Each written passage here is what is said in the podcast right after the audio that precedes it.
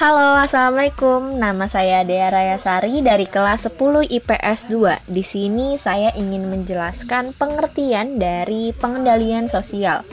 Pengertian pengendalian sosial itu sendiri apa sih? Dikutip dari situs Kementerian Pendidikan dan Kebudayaan, pada dasarnya pengendalian sosial adalah mekanisme untuk mengarahkan anggota masyarakat dalam melaksanakan nilai dan norma sosial yang berlaku sehingga tidak melakukan penyimpangan-penyimpangan dan berupa mengurangi maupun menghilangkan penyimbangan tersebut.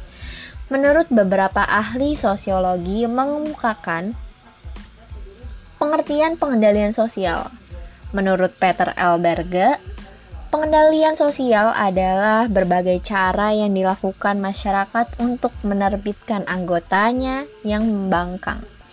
Menurut Rauchak mengatakan pengadilan sosial adalah istilah kolektif yang mengacu pada proses terencana, di mana individu dianjurkan, dibujuk, atau dipaksa untuk menyesuaikan diri pada kebiasaan dan nilai hidup suatu kelompok. Kita akan beralih kepada ciri-ciri pengendalian sosial. Pengendalian sosial ini memiliki ciri-ciri empat, yang di mana terdapat sebuah cara atau teknik yang digunakan terhadap masyarakat, bertujuan untuk keserasian antara stabilitas dengan perubahan yang terjadi di masyarakat, dilakukan oleh kelompok terhadap kelompok lain atau individu lain. Berlangsung dua arah, meski terkadang tidak disadari oleh kedua pihak dan kita akan beralih lagi kepada sifat pengendalian sosial. Sifat pengendalian sosial dibagi menjadi dua, yakni pengendalian sosial preventif yang di mana adalah pengendalian yang dilakukan sebelum terjadi perilaku menyimpang. Pada pengendalian tersebut, langkah yang dilakukan lewat sosialisasi, pendidikan, penyuluhan atau nasihat agar tidak melakukan penyimpangan sosial. Yang kedua ada pengendalian sosial referensif. Pengendalian sosial referensif merupakan pengendalian yang dilakukan setelah terjadinya penyimpangan. Upaya yang dilakukan itu lewat cara pemberian hukuman, sanksi, nasihat, atau penyuluhan.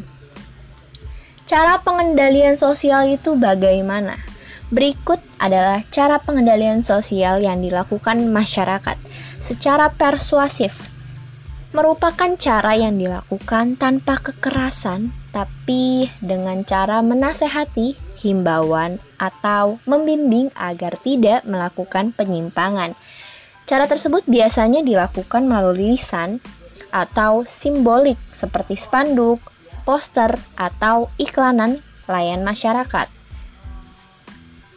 Yang kedua ada cara korsif yang di mana adalah dengan cara paksaan atau kekerasan, baik secara fisik atau psikis. Biasanya cara korsif merupakan cara terakhir setelah beberapa cara yang dilakukan tidak berhasil. Hasil cara tersebut sering kali menimbulkan reaksi negatif dari berbagai pihak.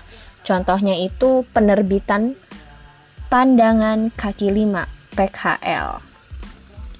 Lalu ada cara sosialisasi yang merupakan pengendalian dilakukan dengan menciptakan kebiasaan-kebiasaan, menanam nilai dan norma sejak dini. Pada cara tersebut ditandai dengan adanya proses pengenalan norma dan nilai yang hidup atau berlaku dalam masyarakat. Dan yang terakhir ada lewat penekanan sosial. Cara ini dipakai masyarakat untuk mengendalikan tingkat laku, tingkah laku, maaf, anggota masyarakat dilakukan agar berperilaku sama dengan masyarakat. Mungkin segitu aja informasi yang Dea sampaikan mengenai pengertian serta berbagai dari pengendalian sosial. Kurang lebihnya mohon maaf. Saya undur diri, Dea Rayasari. Wassalamualaikum warahmatullahi wabarakatuh.